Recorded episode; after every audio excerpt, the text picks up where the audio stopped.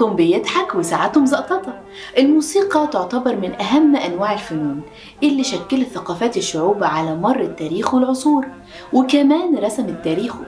وتخيلوا داخل الفن الواحد قسمته لأجزاء كتير منها الأوبرا منها الطربي الشعبي الوطني اللي صمم خصيصا لمناسبات معينة. بطلنا النهاردة هو بطل همام شكل جزء كبير من ملحمة مصر الرمضانية. بطلنا النهاردة؟ أغاني رمضان.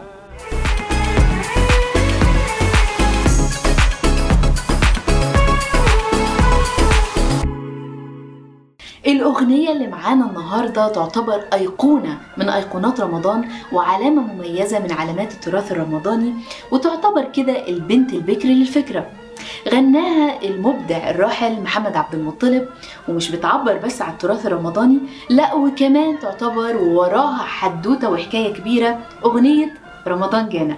رمضان جانا وفرحنا بعد غيابه وبقاله زمان كانوا قولوا شهر بدوله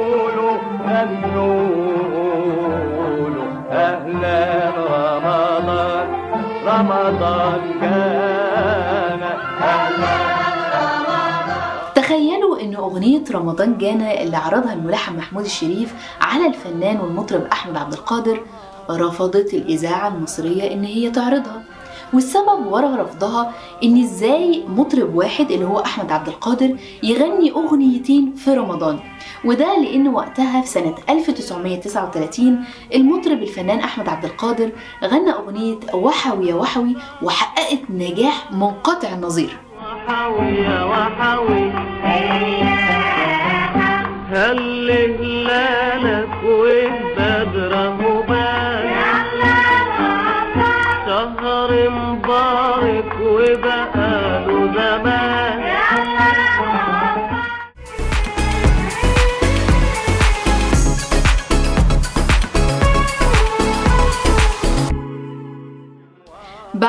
راح الملحن محمود الشريف وعرض الأغنية على محمد عبد المطلب. الغريب في الموضوع إن وقتها وفي الأول رفض محمد عبد المطلب الأغنية وتردد شويتين. بعد كده وافق وغناها وكانت الأغنية لكلمات الشاعر حسين طنطاوي. رمضان كان قولوا معانا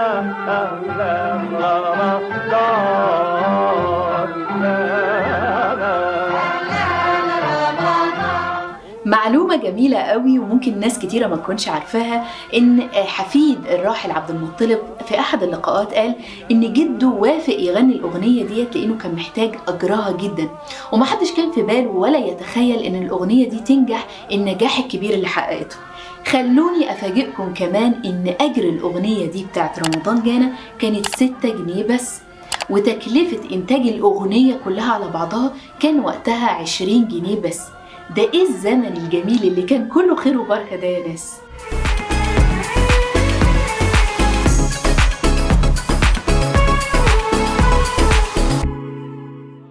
الأغنية تم طرحها بصوت المبدع الراحل محمد عبد المطلب يوم 2 سبتمبر سنة 1943 وأول لما صورها كان صورها للتلفزيون المصري وهو كان لابس جلابية.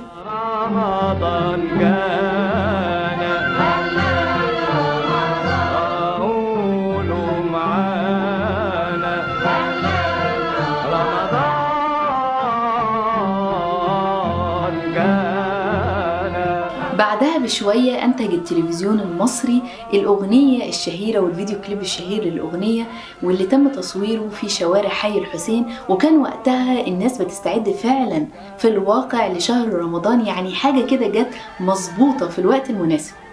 الفيديو كليب ده كان من إخراج المخرج يسري غرابة واتعرض أول مرة سنة 1981 الظريف بقى في الموضوع وزي ما إحنا عارفين كلنا إن محمد عبد المطلب كان دمه خفيف وظريف وبيحب يهزر كتير. وفي أحد لقاءاته الإذاعية مع الإذاعي وجدي الحكيم الله يرحمه قال له أغنيتي دي بقت أهم من بيان المفتي. ولو كل مرة كانت اتغنت واتذاعت فيها أخدت عليها جنيه كان زمان الوقت بقيت مليونير ومن أغنى الأغنياء. أما عن الفنان محمد عبد المطلب فهو كان من مواليد مدينة شبرخيت محافظة البحيرة 1910 حفظ القرآن الكريم وسمع كتير من الاسطوانات وكان أول مرة يغني كان في مسرح بديعة سنة 1932 الفنان محمد عبد الوهاب عينه كمان كورس فرقته. رمضان جانا وفرحنا به بعد غيابه. أهلا رمضان. يا ترى إيه رأيكم في الموروث الرمضاني وحلقة النهارده وفي أغنية رمضان جانا؟ بتمثل لكم إيه ويا ترى لما بتسمعوها بتحسسكم بإيه؟ شاركوني في التعليقات وعشان المعلومة توصل لأكبر عدد من الناس. ما تنسوش تشاركوها بال like و share عشان توصل لأكبر عدد من الناس. وما تنسوش تتابعوني على مواقع التواصل الاجتماعي ريم صبري first وأشوفكم في حلقة جديدة ومع بطل جديد في ملحمتنا ومسرحيتنا الرمضانية رمضان سعادتي مع ريم صبري. برنامج رمضان سعادتي برعاية شركة Empower أول شركة وتطبيق للصحة العقلية والنفسية للشباب في الشرق الأوسط. ولو عايزين تستمتعوا بحلقات برنامج رمضان سعادتي بالصوت تقدروا تسمعوا الحلقات الصوتية على أنغامي Spotify Apple Podcast Google Podcast SoundCloud Amazon Podcast